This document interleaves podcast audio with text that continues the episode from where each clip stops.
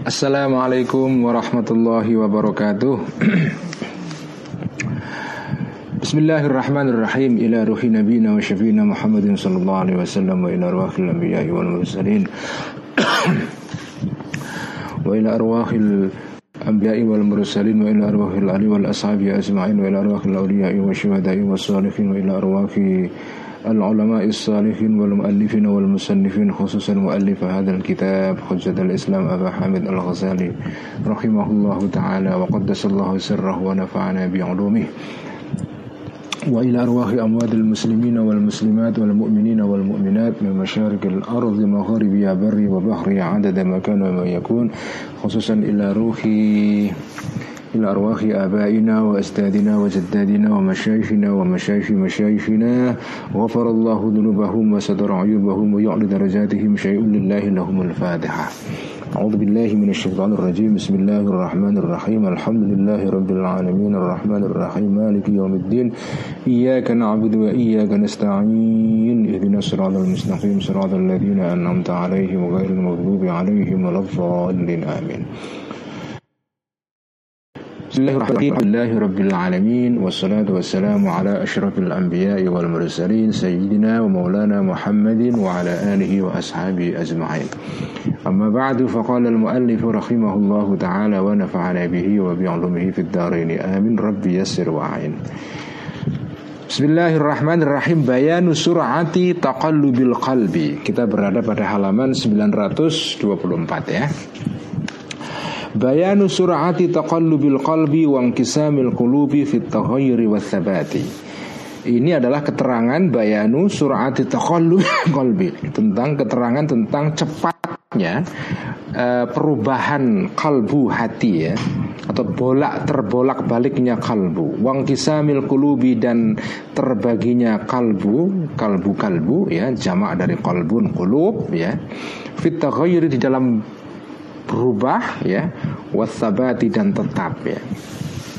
Jadi sekarang kita akan masuk kepada sub pembahasan baru di dalam kitab Ihya tentang kondisi uh, kalbu manusia yang cepat berubah, cepat mengalami uh, pembalikan situasi ya. Jadi kadang kadang kepengen A berubah B berubah C. Jadi eh, berikut ini ini semacam apa ulasan tentang eh, situasi hati manusia yang terus berubah ya. Terus eh, mengalami pergeseran ya. Ini penting karena karena ini untuk memberitahu kita tentang bagaimana cara kerja kalbu kita itu kalbu manusia itu seperti apa? Yang alam ketahuilah. Anal kalba sesungguhnya kalbu manusia ya. Kama zakarna kama sebagaimana sesuatu zakarna yang sudah menyebut aku kami al ghazali maksudnya hu terhadap ma. Kalbu itu khobarnya anna taktanifu mengepung hu terhadap kalbu as-sifatu sifat-sifat. Kalbu manusia itu dikepung dengan sifat-sifat ya. Allati zakarna yang sudah menyebut kami kami aku sifat-sifat tadi itu. Terhadap allati atau sifat. Jadi hati manusia, kalbu manusia itu dikepung dengan berbagai kualitas ya, atribut eh, karakter-karakter sifat ya. Watan sabu dan dan uh, watan sabu dan gerojok kalau bahasa pesantrennya mengalir secara apa secara deras ya watan sebu dan dan apa dan mengalir atau ya intan sebu gerojok mengalir ilahi uh, kepada kalbu al atharu bekas-bekas ya jejak-jejak wal ahwalu dan keadaan-keadaan ahwal ya minal abwabi berupa eh, pintu-pintu uh, atau bab-bab allati wasafna yang sudah mensifati sudah menerangkan kami Al-Ghazali terhadap asar, ahwal dan abwab ya. Kita sudah diterangkan sebelumnya ya tentang kalbu manusia itu seperti muara di mana seluruh air, seluruh apa, seluruh uh, keadaan, seluruh jejak-jejak uh, sifat-sifat manusia itu menuju ke sana semua. Jadi kalbu itu seperti seperti seperti apa? Seperti titik yang menjadi sasaran ya. Maka annahu maka sesung maka seolah-olah ya kalbu manusia kalbu hadafun adalah uh, sasaran ya goal atau ya sasaran tembak itu. Yusobu yang dikenai ya yang di yang apa di dikenai alat dawami secara terus menerus secara abadi mingkul lijanipin dari seluruh arah. Jadi kalbu itu seperti sasaran tembak yang dikenai uh, tembakan dari segala arah ya. Faida asaba maka jika mengenai hu terhadap kalbu syai'un sesuatu jika kalbu manusia itu kena sasaran kena tembakan kena panahan ya ya ta'atharu maka uh, ya ta'atharu maka terpengaruh kalbu tadi itu bihi dengan syai'un dengan sesuatu tadi itu asaba ya uh, Oh sorry. Jawabnya Faiza asoba Faiza asoba maka ketika mengenai hu kepada kalbu syai'un sesuatu ya ta'atharu yang terpengaruh kalbu tadi itu Bi dengan sesuatu itu Jawabnya Iza asoba maka mengenai hu kepada kalbu tadi itu e, Min janibin dari sisi akhara yang lain Ma sesuatu yudodu yang menolak ya Yang berlawanan hu terhadap uh, apa itu yudatu yang berlawanan uh, ma tadi itu hu terhadap syai'un tadi fatataghayyaru maka menjadi berubah sifatu sifatnya kalbu. Jadi kalau manusia itu jadi itu itu paradoksnya ya. Kalau dia dikenai sesuatu, dia terkena tembakan dari satu arah, maka akan muncul sesuatu yang lain dari arah sebaliknya yang uh, berlawanan dengan sesuatu yang tadi itu. Jika di satu saat ada tembakan yang membuat kalbu itu sedih, maka ada ada sesuatu yang lain yang mengenai kalbu itu yang membuatnya dia gembira. Itulah apa keadaan kalbu manusia ya.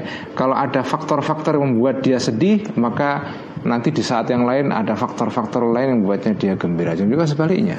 Ya.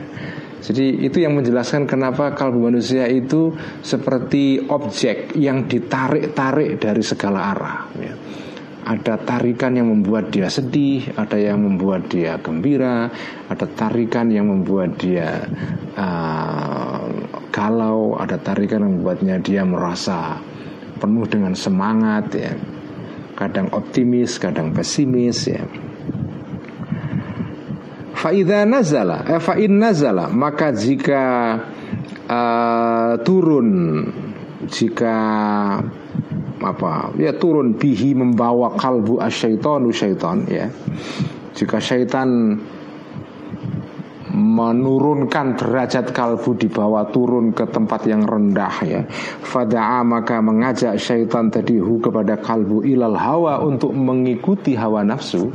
Jadi jika ada tarikan syaitan yang membawa kalbu kita turun ke dataran yang rendah ke tingkatan yang rendah untuk melakukan sesuatu yang hina berupa hawa nafsu maka nazala maka turun uh, bihi membawa kalbu al malaku malaikat wasarafa dan membelokkan malaikat tadi itu hu kepada al kalbu anhu dari uh, anhu dari al hawa tadi ya dari hawa nafsu. Jadi kalau syaitan suatu saat bekerja mempengaruhi kalbu dan berhasil, maka di sisi yang lain datang malaikat me melawan uh, kerja syaitan itu, menangkalnya. Ya itu jadi kalbu itu seperti seperti apa ya seperti objek yang dipertarungkan yang di uh, perebutkan antara syaitan di satu sisi dan malaikat di sisi yang lain. Wa in dan jika menarik jika ya menarik hu kepada al qalbu syaitanun syaitan ila syarrin kepada satu kejahatan suatu keburukan zadzaba maka akan menarik hu kepada kalbu syaitanun syaitan akharu yang lain ila ghairihi kepada selain syarrun tadi itu. Kalau ada syaitan dalam diri kita mengajak kalbu mengajak untuk melakukan satu kejahatan A maka ada syaitan lain yang juga ingin mengajak kalbu melakukan kejahatan yang lain. Belum selesai kejahatan ini kepengen yang lain lagi persis keadaan kalbu kita itu itu digambarkan persis seperti perilaku orang-orang sekarang yang menggunakan perilaku uh, orang-orang yang menggunakan gadget itu loh ya.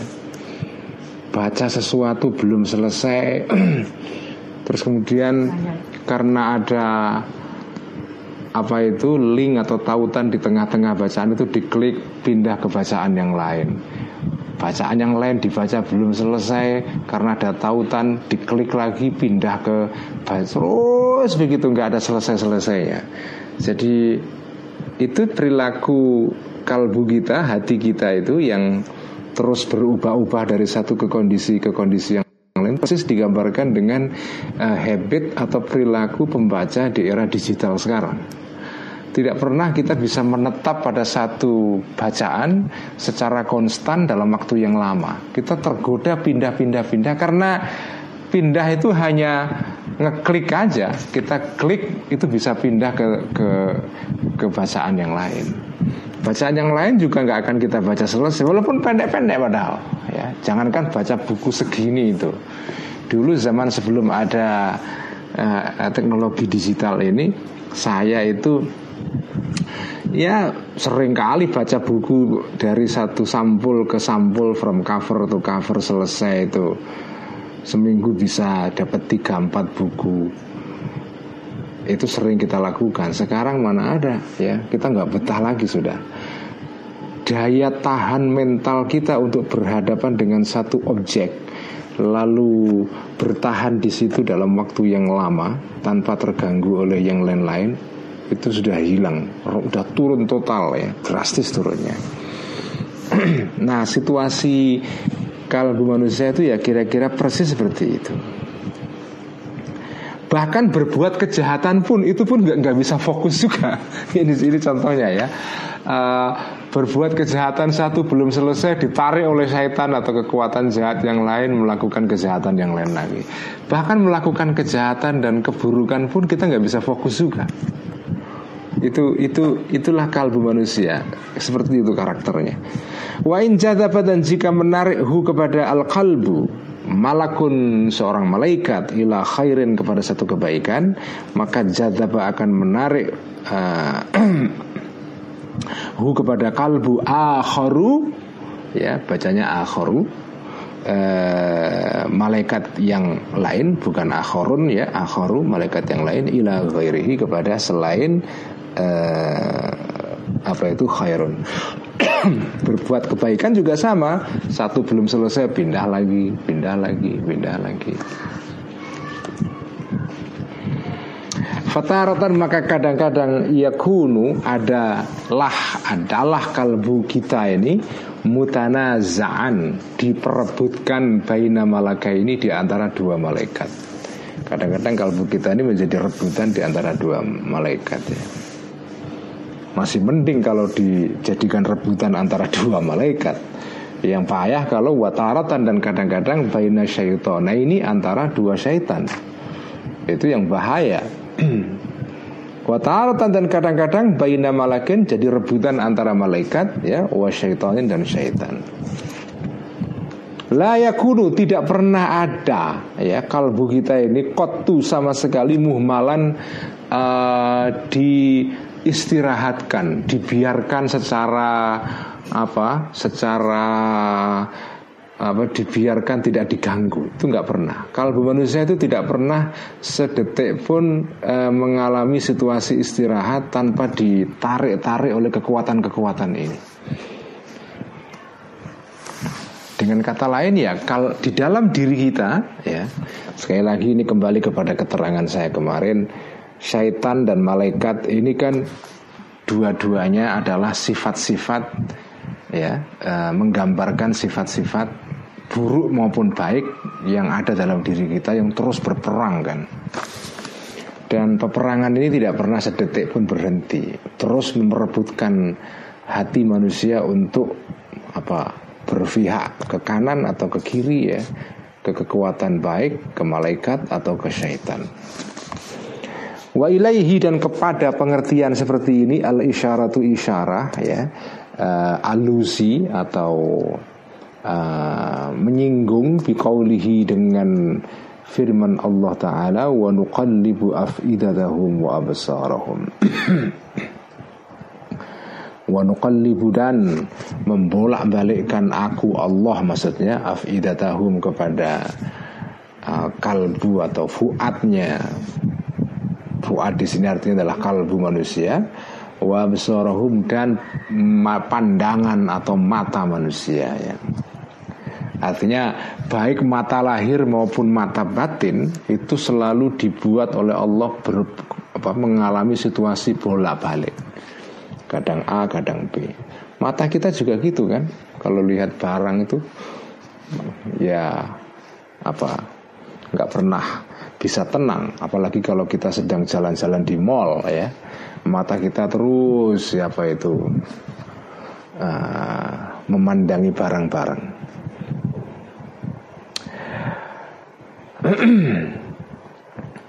Walittila'i Rasulillahi dan karena melihatnya atau taunya kanjeng Nabi Rasulullah Shallallahu Alaihi Wasallam ala ajibi sunillahi tahu atau mengerti ala ajibi sunillahi terhadap keajaiban ciptaan Allah Taala atau keajaiban tindakan Allah Taala fi ajaibil qalbi di dalam menciptakan keajaiban-keajaiban kalbu wa dan perubahan-perubahan Ah, dan membolak baliknya kalbu karena kanjeng Nabi tahu tentang situasi seperti ini maka karena jawabnya atau ya ta'alluqnya libtilahi ini fiilnya karena maka adalah kanjeng Nabi yahlifu bersumpah bihi dengan kalbu tadi itu ya. Uh, fayaqulu maka berkatalah kanjeng Nabi. Karena kanjeng Nabi ngerti betapa hati manusia itu seperti itu keadaannya, maka beliau bersumpah dengan apa? Dengan uh, uh, apa dengan dengan kalbu yang seperti itu atau dengan Allah karena adalah kanjeng Nabi yakhlifu sumpah Allah kanjeng Nabi bihi kepada atau terhadap atau dengan Allah yang membuat hati manusia selalu mengalami situasi bolak-balik seperti itu. Bihi di sini kembalinya kepada Allah, tapi Allah yang tadi itu yang e, menciptakan e, hati yang selalu bolak-balik, selalu mengalami perubahan itu ya. Nah, bagaimana bagaimana redaksi sumpahnya kajian Nabi itu la wa muqallibal qulubi ya. Jadi kalau kanjeng Nabi misalnya apalah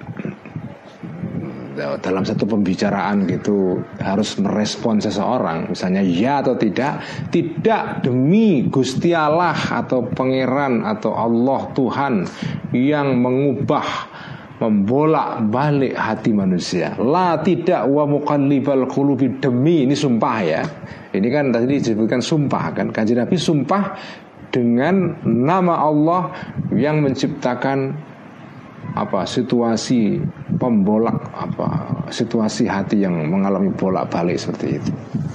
La tidak wa muqallibal qulubi demi uh, zat atau Tuhan yang membolak-balikkan kalbu. Ini sumpahnya kaji Nabi ya. La wa muqallibal qulub.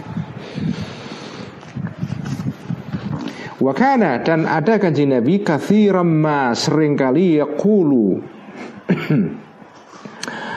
uh, wakana dan ada kanjeng Nabi kathiram ma yaqulu. Banyak sekali uh, banyak sekali mengucapkannya kanjeng Nabi ya.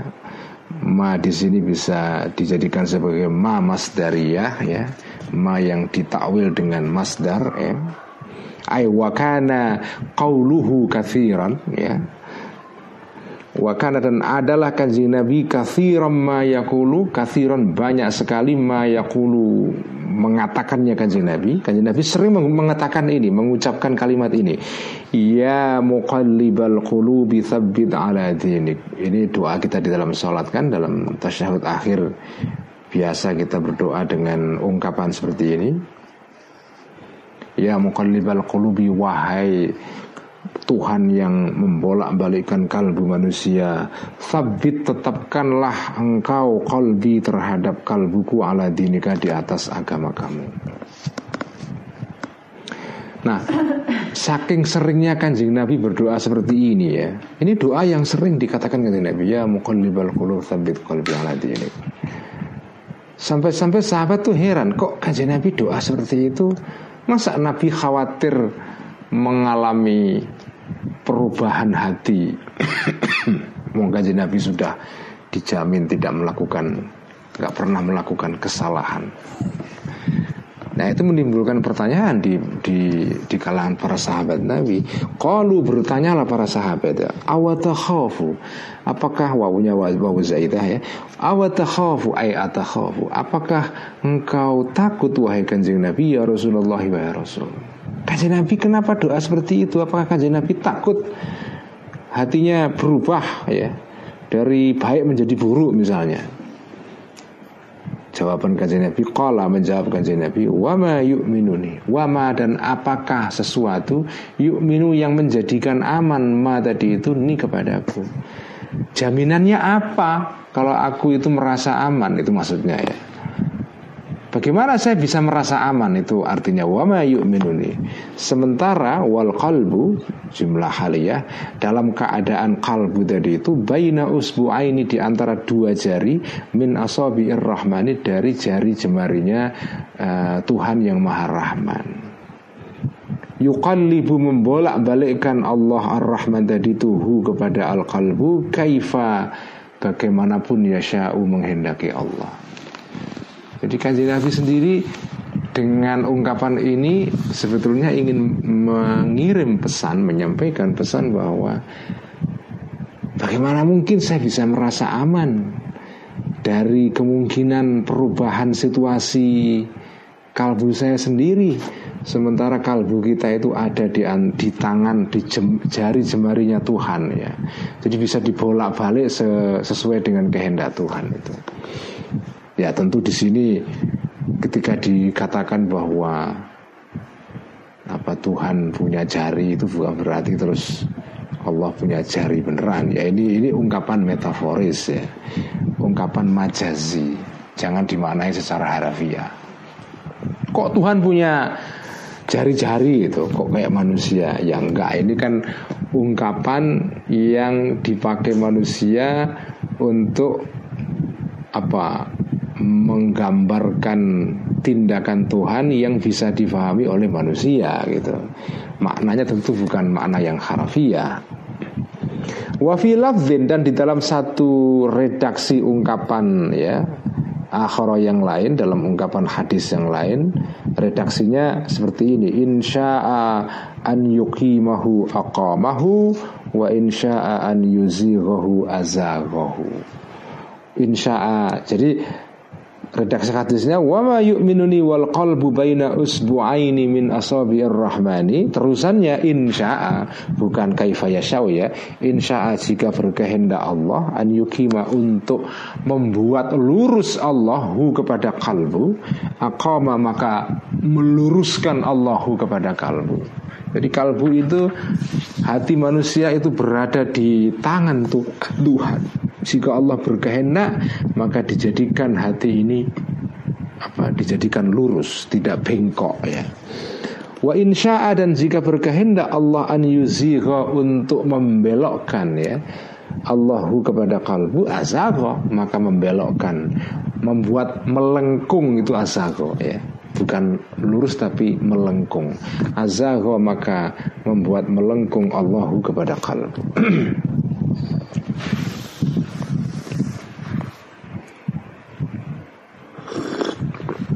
Wadoraba dan membuat ya. Kanjing Nabi Sallallahu alaihi wasallam lahu kepada kalbu anak kanjeng Nabi membuat satu metafor ya. Kiasan bagi kalbu manusia itu menjadikan salah satu amfilatin tiga kiasan. Maka fakola maka berkatalah bersabda kanjeng Nabi ini kiasan yang dipakai kanjeng Nabi untuk menggambarkan situasi kalbu manusia. Masalul kolbi kiasan atau tepone bahasa pesantrennya tepone ya. Atau permisalan atau kiasannya kalbu manusia. Masalul osfuri itu seperti burung pipit ya. Uh, ya burung pipit. Burung kalau bahasa Jawa apa ya? Burung Bibit itu apa ya? Burung kok jadi lupa saya. Emprit. Mano emprit. jadi ingat saya. Mano emprit masalul usfuri iku kaya uh, paribasane mano emprit. Burung pipit ya, mano emprit kan. Jadi kalbu manusia itu seperti mano emprit ya atau burung pipit. Kamu lihat kan burung pipit itu?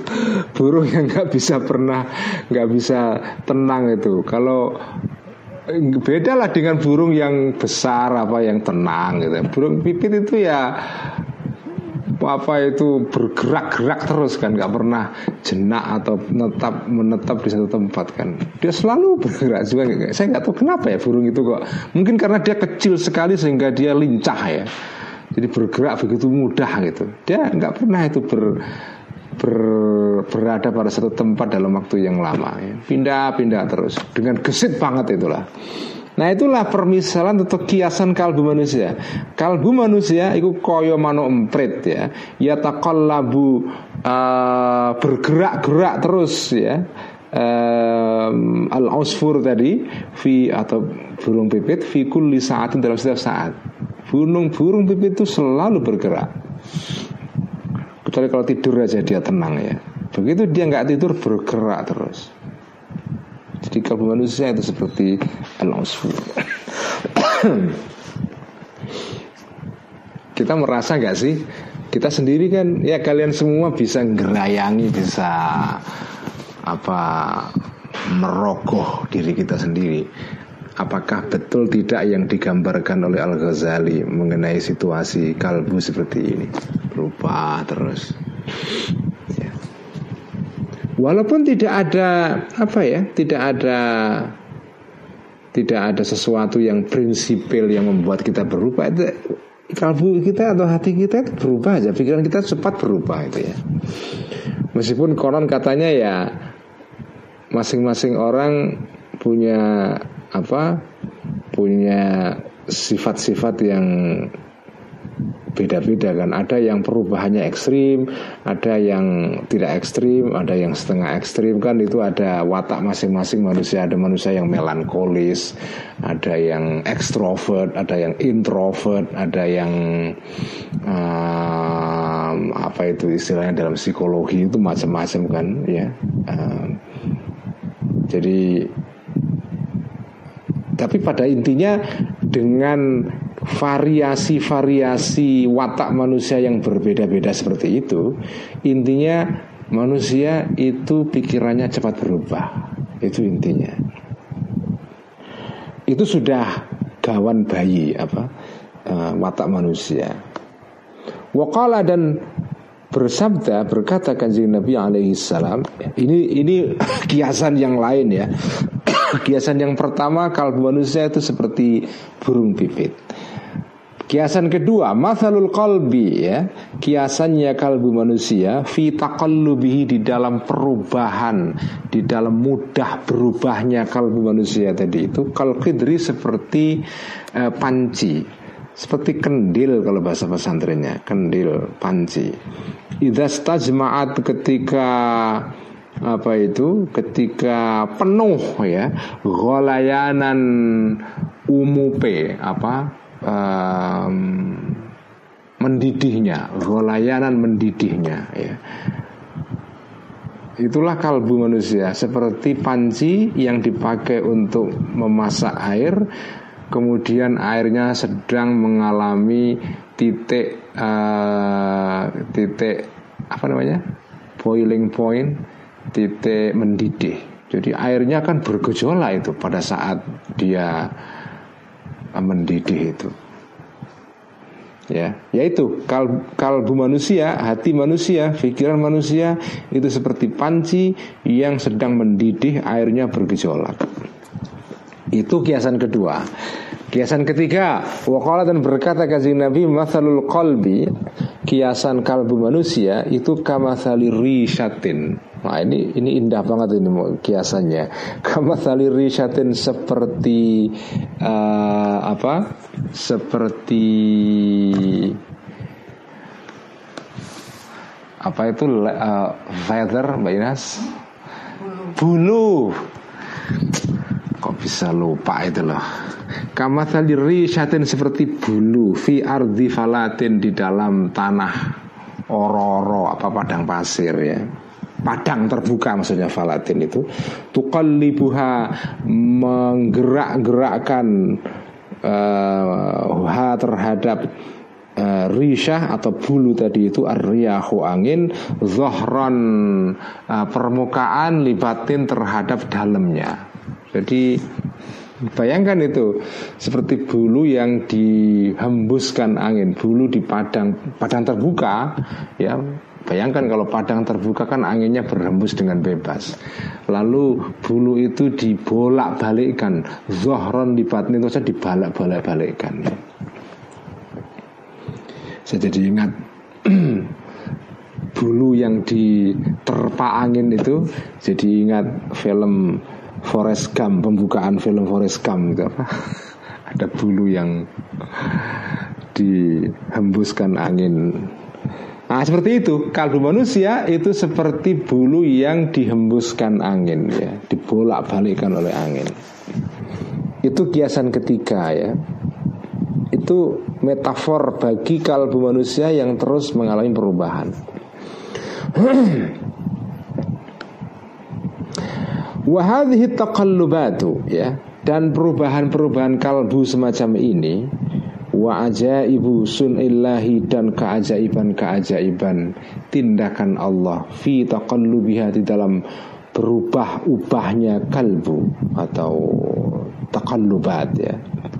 Min haitsu la tahdi ya. Uh, dari arah yang tidak bisa tahu ya. Ilaihi kepada uh, taqallub tadi itu al ma'rifatu pengetahuan manusia ya perubahan kalbu dan keajaiban Tuhan di dalam terus membolak-balikkan kalbu manusia uh, dengan cara yang tak terduga-duga yang tidak bisa diketahui oleh pengetahuan kita. Ya la ya'rifu khabarnya hadit taqallubat. La ya'rifu tidak bisa mengetahui ha kepada taqallubat ini perubahan-perubahan ini illal muraqibuna kecuali orang-orang yang apa? Muraqibun terus menelaah kalbu terus mengawasi itu muraqibun orang yang terus awas dengan dirinya sendiri tidak pernah tidak pernah lengah tidak pernah lali atau alpa. Wal murauna dan tidak diketahui kecuali wal murauna dan orang-orang yang memonitor, memantau ya li ahwalihim kepada ahwal, kepada kondisi kalbunya al muraun tadi itu ma'allahi bersama Allah taala ya. Jadi yang yang bisa mengetahui gerak-gerik kalbu seperti ini, yang bisa melakukan penelaahan dengan cermat itu hanya orang-orang ya yang memang pekerjaannya terus melakukan muraqabah ya, melakukan uh, otokritik ya. Menelaah terus dirinya sendiri. Bukan menelaah orang lain bukan. Jadi ini watak atau uh, perangai kalbu yang seperti ini itu tidak bisa diketahui kecuali oleh orang yang membiasakan diri untuk menelaah ke dalam dirinya. Itu namanya al-muraqibun wal muraqun ya.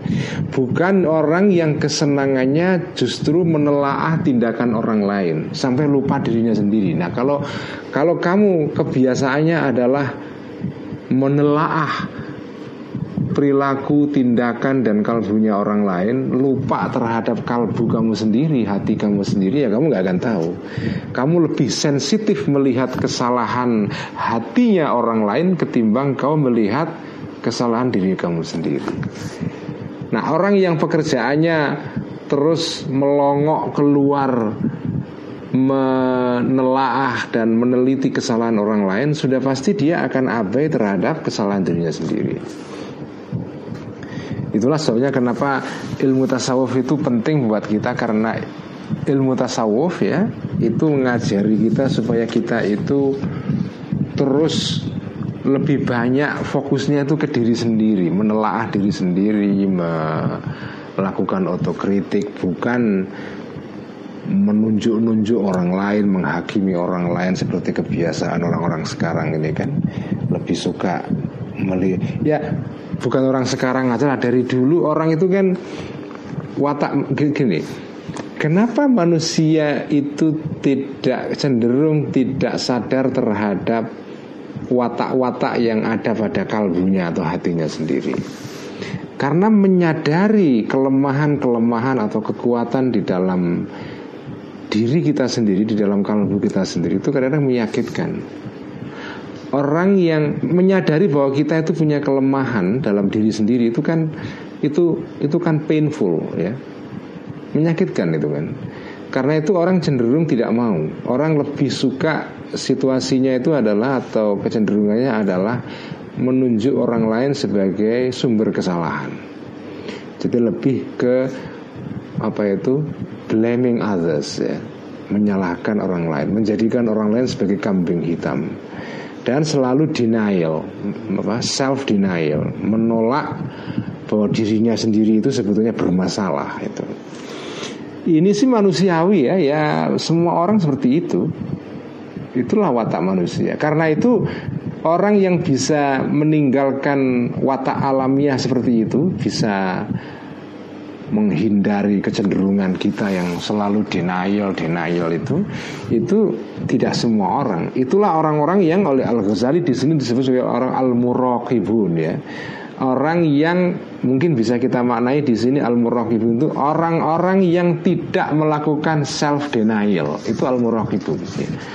orang-orang yang tidak senengnya itu uh, nyalain orang lain dan menolak bahwa dirinya itu sebetulnya juga punya andil dalam kesalahan itu. Itu namanya al-muraqibun ya.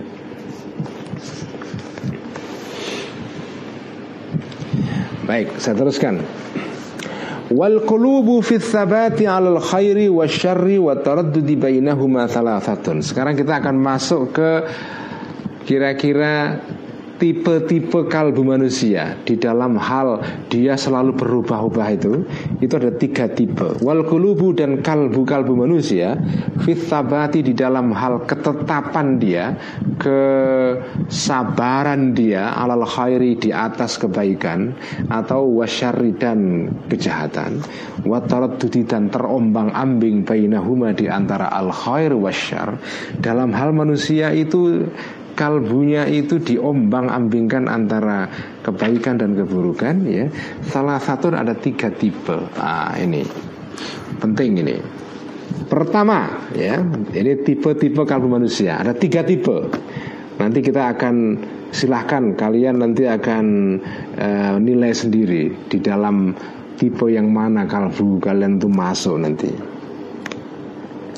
Kalbun pertama kalbu ya Ummiro bitakwa Ummiro yang dimakmurkan Yang diramaikan Bitakwa dengan ketakwaan ya.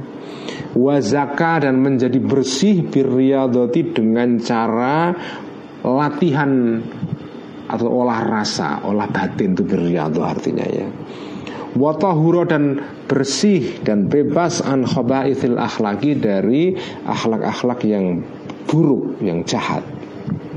Itu tipe pertama ya kalbu yang penuh dengan takwa, selalu melakukan olah batin dan bersih dari sifat-sifat yang buruk. nah, kalbu yang seperti ini tangkodihu ya menjadi uh, inqadaha itu seperti orang menyalakan api dari batu itu loh. Ngapa? Dulu kalau orang kalau bikin api itu kan dua batu digesekkan gini sehingga apinya meletik apinya kemudian uh, muncul. Itu ingkodaha ingkodaha itu artinya kamu menggesek batu untuk membuat api. Tangkodihu menjadi meletik kalau bahasa pesantrennya itu. Meletik itu ya muncul secara mendadak itu ya meletik gitu ya itu namanya tangkatihu tangkatihu meletik atau muncul fihi di dalam kalbu tadi itu khawatirul khairi Eh, pikiran-pikiran uh, kebaikan atau kerentak-kerentak sing apik itu kawa khawatirul khairi ya. Kehendak-kehendak atau pikiran-pikiran yang baik. Pikiran-pikiran kebaikan. Muncul dari mana? Min khazainil ghaibi dari uh, dari gudangnya alam gaib. Itu khazinah ya dari dari dari khazanah kegaiban. Wa madakhiril malakuti dan dari pintu-pintu alam malakut, alam malaikat ya. Jadi kalau kalbu itu sudah bersih dari akhlak-akhlak yang jahat, itu seperti digambarkan oleh Al Ghazali di dalam bab sebelumnya kan. Kalbu manusia itu kan kayak cermin. Begitu cermin itu kita lap dan bersih, maka dia bisa menangkap uh, sesuatu ya. Dia bisa merefleksikan sesuatu itu ketika dilet, diletakkan di depan cermin itu maka akan tergambar akan tercermin di dalam cermin itu. Tapi kalau cerminnya buram ya itu tidak kelihatan objek yang ada di depannya. Begitu juga dengan kalbu. Kalbu itu kalau dia bersih maka akan mengalir itu muncul ya kehendak-kehendak baik ya yang berasal dari alam malaikat ya. Jadi ini ini tentu konsepsi konsepsi mistik ya. Jadi sumber kebaikan itu yang disebut dengan ilmu ilham itu dalam bahasa Ikhya ya. Sumber kebaikan itu asal usulnya adalah berasal dari alamul malakut ya. Jadi berasal dari uh, sesuatu yang berada di luar, yang kemudian uh, itu sesuatu itu dilemparkan ya di diletakkan di dalam kalbu kita tapi syaratnya kalbu kita harus bersih dulu sehingga bisa menangkap sinyal kebaikan itu. Dalam istilah filsafat Islam ya biasa itu disebut dengan al-aqlul fa'al ya. Jadi Ya kalau dalam bahasa agama itu malaikat Jibril atau malaikat lah ya. Dalam bahasa filsafat Islam itu disebut dengan al-aqlul fa'al atau akal aktif ya. Jadi akal aktif itu itu akal atau sumber kebaikan yang adanya di atas sana yang itu menjadi perantara antara Tuhan dengan kalbu manusia ini. Kalbu manusia itu mendapatkan pikiran baik, pikiran yang bagus ya kebaikan itu datangnya dari malaikat yang menjadi perantara kebaikan ini. Ketika Allah mengirimkan pikiran-pikiran yang baik, itu dikirim melalui malaikat ini kemudian mengirim kebaikan, pikiran-pikiran kebaikan itu kepada uh, apa itu? kepada kalbu manusia. Itulah sumber kebaikan. Itu namanya al-aqlul fa'al atau malaikat atau alamul malakut ya. Ya kalau dalam teori modern mengenai otak manusia ya lain lagi. Segala hal itu ya sumbernya adalah dari reaksi-reaksi kimiawi yang ada pada otak kita sendiri. Tidak ada sesuatu yang datang dari alam gaib. Yaitu pandangan yang materialistik ya. Pandangan yang mistikal lain lagi ya. Ini kan soal cara pandang saja. Uh, pandangan yang materialistik ya menjelaskan semua khawatir, semua pikiran-pikiran kerentek ke hati itu itu ya datang dari dalam diri manusia melalui proses yang ada pada otak kita. Tapi di dalam pandangan orang yang punya punya wawasan mistik atau tasawuf yang beriman ya kepada hal yang gaib tentu lain. Jadi yang disebut dengan kebaikan itu sumbernya bukan dari dalam diri kita tapi dari alamul malakut ya instrumen untuk menangkap itu adalah kalbu ya. tapi syaratnya kalbu kita bisa menangkap kebaikan yang datang dari alamul malakut itu kalau kalbu kita itu bersih ya. Fayan sarifu. Nah, ketika uh, kalbu ini ya penuh dengan ketakwaan terus melakukan olah batin dan bersih dari akhlak-akhlak yang buruk fayan syarifu maka akan akan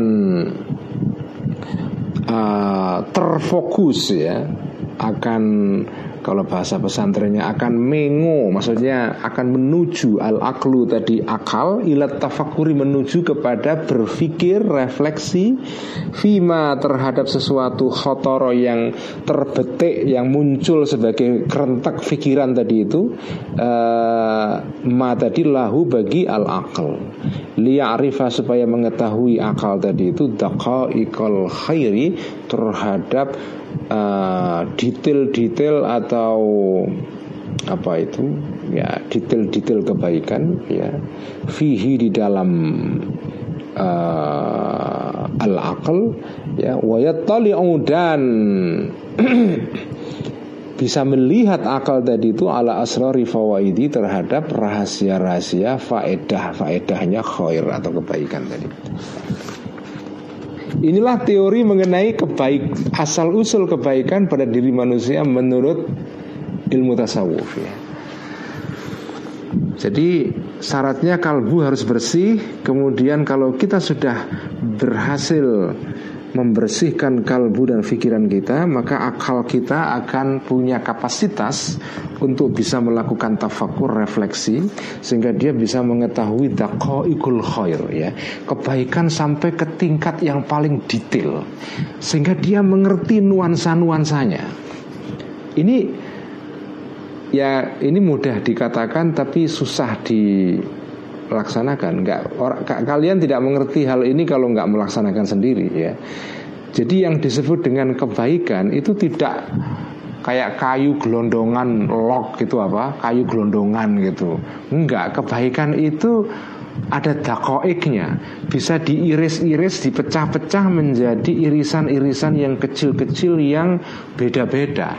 Jadi kebaikan yang satu bagi orang yang tidak sensitif uh, kalbunya karena tidak dilatih dengan riadoh dengan olah batin olah olah apa itu mental ya tidak melakukan uh, ibadah, tidak membersihkan dari akhlak yang buruk. Orang yang nuraninya tidak sensitif itu tidak bisa membedakan antara kebaikan yang satu dan kebaikan yang lain. Bagi dia semua sama. Ya kan sama-sama baik, ya betul. Tapi kebaikan itu maknanya nuansanya itu beda antara satu kebaikan yang A, yang B, yang C kelihatannya sama itu sebetulnya tidak sama sebetulnya ya. Itu yang disebut dengan taqaikul khair ya. Kebaikan yang punya nuansa-nuansa yang subtil yang tidak bisa diketahui kecuali oleh kalbu yang ummira bit taqwa wa zaka wa tahura an khabaitil akhlaq ya. Fayang kashifu maka menjadi terbuka ya. Uh, al khair kebaikan tadi itu lahu bagi akal binuril bas sorry. Fayang kashifu maka menjadi terbuka lahu bagi akal binuril basirati dengan nur uh, mata batin ya. Wajhu wajahnya al khair atau kebaikan tadi itu. Jadi kalau dia sudah punya berhasil membersihkan diri akhirnya dia bisa melihat wajah kebaikan secara hakiki. Fayahkumu maka menghukumi akal tadi itu bi annahu bahwa sesungguhnya al khair kebaikan tadi itu la buddha harus min fi'lihi dari harus untuk melakukan al khair fayastahithu maka uh, mendorong ya. Fayastahithu maka mendorong akal tadi tuhu kepada kalbu uh, alaihi kepada uh, fayastahithu maka mendorong akal tadi hu terhadap kalbu alaihi kepada kebaikan kepada al khair wayat'u dan mengajak akal tadi tuhu kepada kalbu ilal amali untuk melakukan bi terhadap uh, al khair atau kebaikan tadi itu. Wayan zuru dan uh, melihat al malaku malaikat ilal kalbi malaikat pun melihat kalbu yang seperti itu wayan duru dan melihat al malaku malaikat ilal kalbi kepada kalbu yang tipe pertama ini ya. Faya jitu maka menjumpai malaikat tadi tuhu kepada kalbu toyiban sebagai uh, kalbu yang baik fi jawahari di dalam intinya kalbu tadi itu ya. Tohiron yang suci bitakwahu dengan tak ketakwaan kalbu. Mustaniran yang bersinar il akli dengan sinar sinarnya akal. Ma'muran yang diramaikan ya bi anwaril ma'rifati dibuat bercahaya bi anwaril ma'rifati dengan cahaya-cahaya pengetahuan tadi itu Fayara maka melihat malaikat tadi itu hu kepada kalbu ya. Fayara maka melihat uh, malaikat tadi itu hu kepada kalbu itu salihan sebagai kalbu yang layak li an yakuna untuk ada lahu uh, bagi kebaikan ya mustaqarran sebagai tempat menetap ya atau li yakuna untuk ada malaikat tadi itu ya atau ada kalbu tadi itu lahu bagi malaikat mustaqarran sebagai tempat menetap wa mahdhaton dan sebagai tempat turun. Jadi malaikat ketika melihat kalbu yang seperti itu dia melihat oh ini tempatku ya. Tempat yang memang layak untuk dijadikan sebagai uh, tempat landingnya malaikat untuk menetap di situ.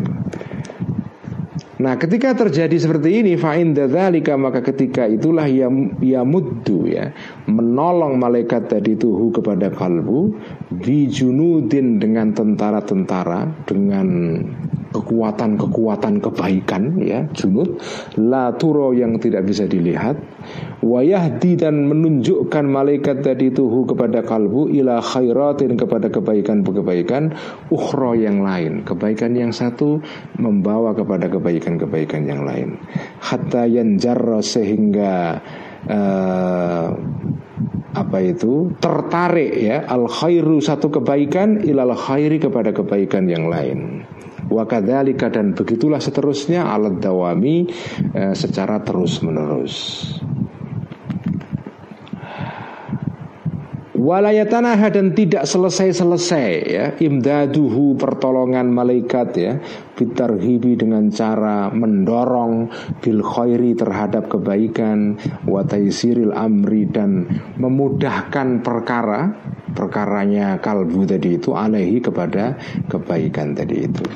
Jadi orang yang kalbunya seperti ini itu dibuat oleh malaikat menjadi mudah melakukan kebaikan itu.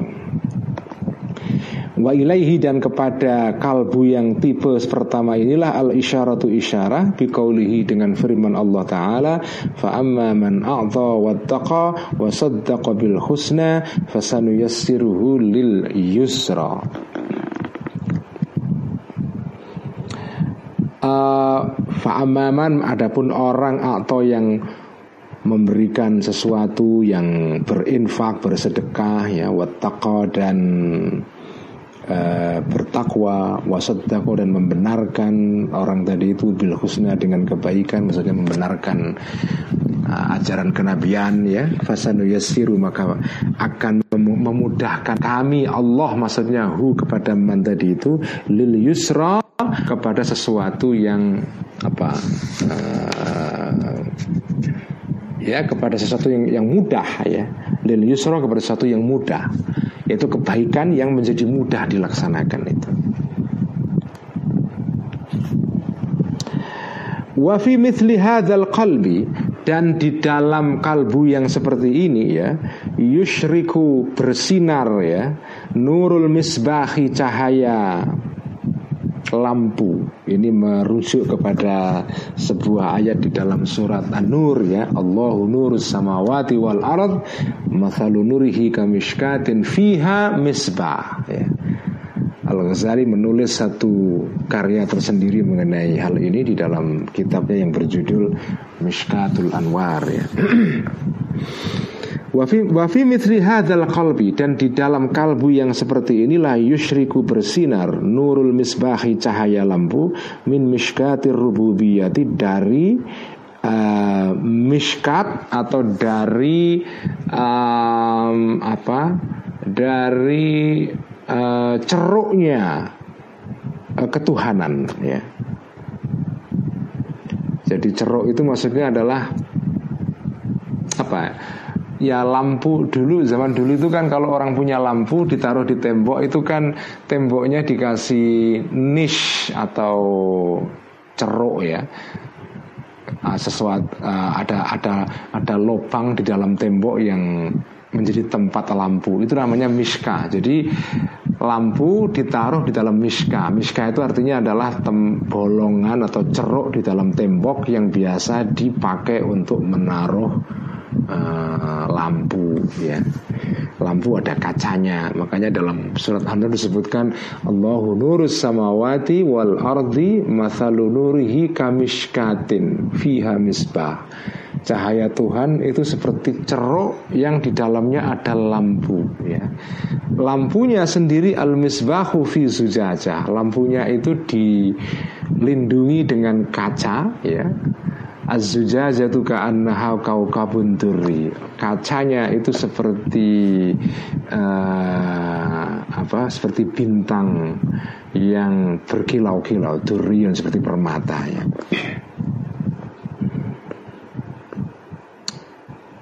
Nah itu jadi kalbu yang seperti ini itu kemudian memancar cahaya dari lampu yang berasal dari ceruknya ketuhanan. Bayangkan itu. Ya lagi-lagi di pandangan mistik ya Kalau kalian pandangannya adalah materialistik ya nggak akan percaya kayak gini-gini Tapi kalau pandangan anda adalah pandangan seorang beriman Maka anda akan uh, merasakan hal ini Jadi kalau anda kalau kita hatinya itu sudah masuk dalam tipe pertama ini itu itu kebaikan itu tercurah terus menerus seperti cahaya yang berasal dari um, dari itu dari ceruk tadi itu dari celah dari niche.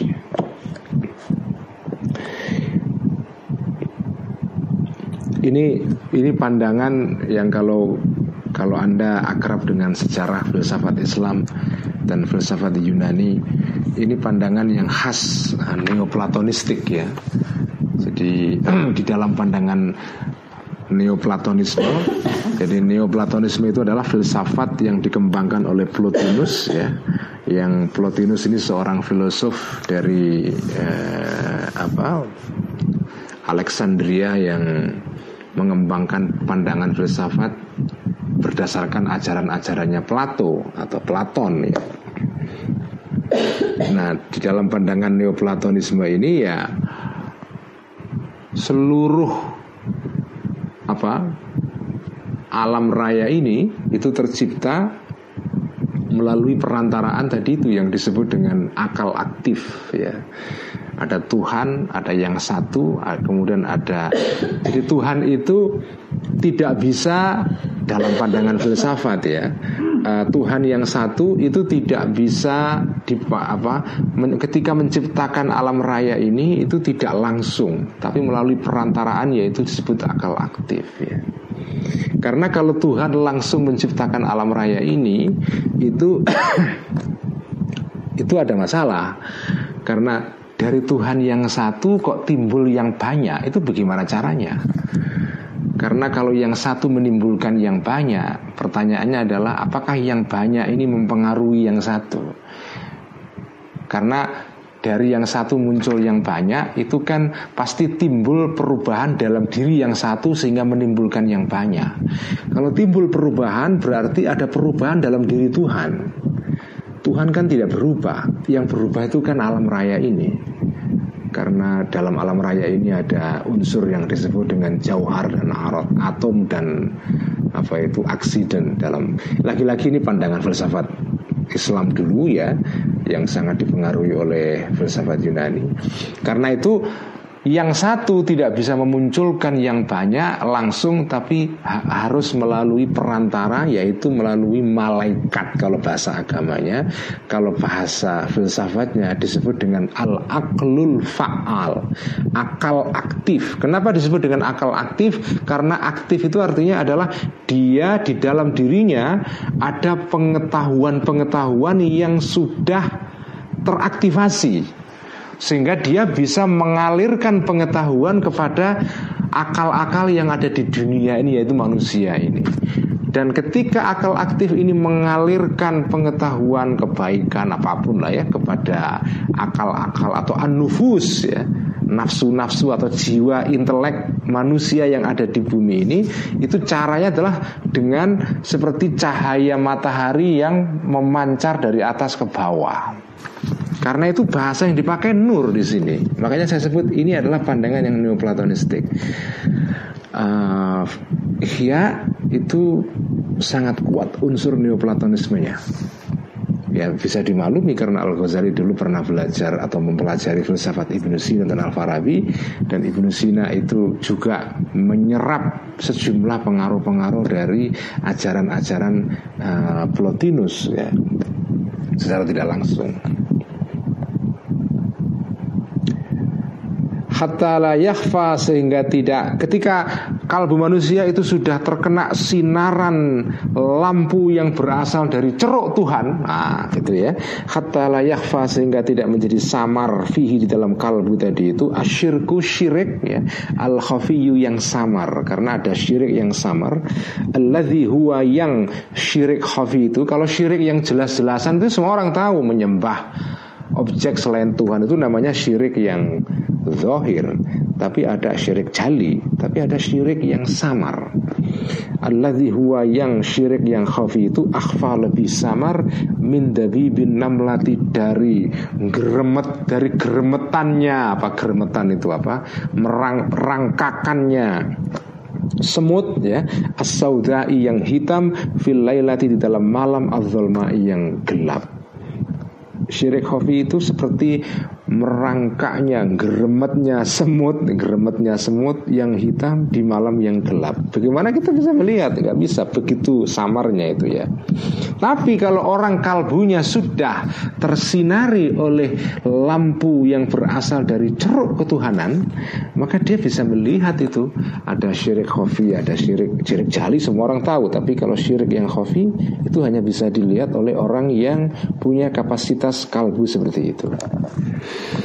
Fala yakhfa maka tidak menjadi samar ala dan nuri terhadap cahaya seperti ini yang memancar ke kalbu yang tipe pertama ini khafiyatun sesuatu yang samar. Walaya ruju dan tidak menjadi laris atau laku alaihi kepada uh, kalbu yang semacam ini syai'un sesedikit pun ya sesuatu yang sedikit pun min makayidi syaitoni dari tipuan-tipuan syaitan ya. Jadi syaitan nggak bisa menipu dengan tipuan yang paling samar sekalipun itu. Baliyakifu ya uh, Bal yakifu bahkan atau sebaliknya Bal yakifu bahkan yakifu berhenti asyaitonu syaitan. Syaitannya berhenti. Wayuhi dan memberikan godaan-godaan Zuhrufal qawli terhadap Wayuhi dan mewahyukan Maksudnya memberikan inspirasi Zuhrufal qawli terhadap ucapan-ucapan yang manis yang berkilau-kilau hururon uh, berupa apa tipuan ya. Hururon apane ya. Maksudnya apane itu tamies berupa kalau bahasa Indonesia nya berupa tipuan-tipuan. Bahkan syaitan berusaha untuk meng menggoda dia dengan ide-ide yang menarik sekali. Falayal tafitu maka tidak menoleh kalbu ini uh, ilaihi kepada uh, syaitan tadi itu ya Wahadal kalbu dan kalbu seperti ini saya akan teruskan sampai ke kalbu yang tipe kedua ya. Wahadal kalbu dan kalbu yang seperti ini ba'da toharati setelah sucinya bersihnya kalbu semacam ini minal muhlikati dari segala hal yang merusak. Yasiru ada alal kurbi ya. Uh, yasiru ada menjadi kalbu semacam itu alal kurbi uh, di dalam jarak yang dekat sekali kepada Allah maksudnya ya. Al qurbi di dalam jarak yang uh, dekat ya kepada Allah ya.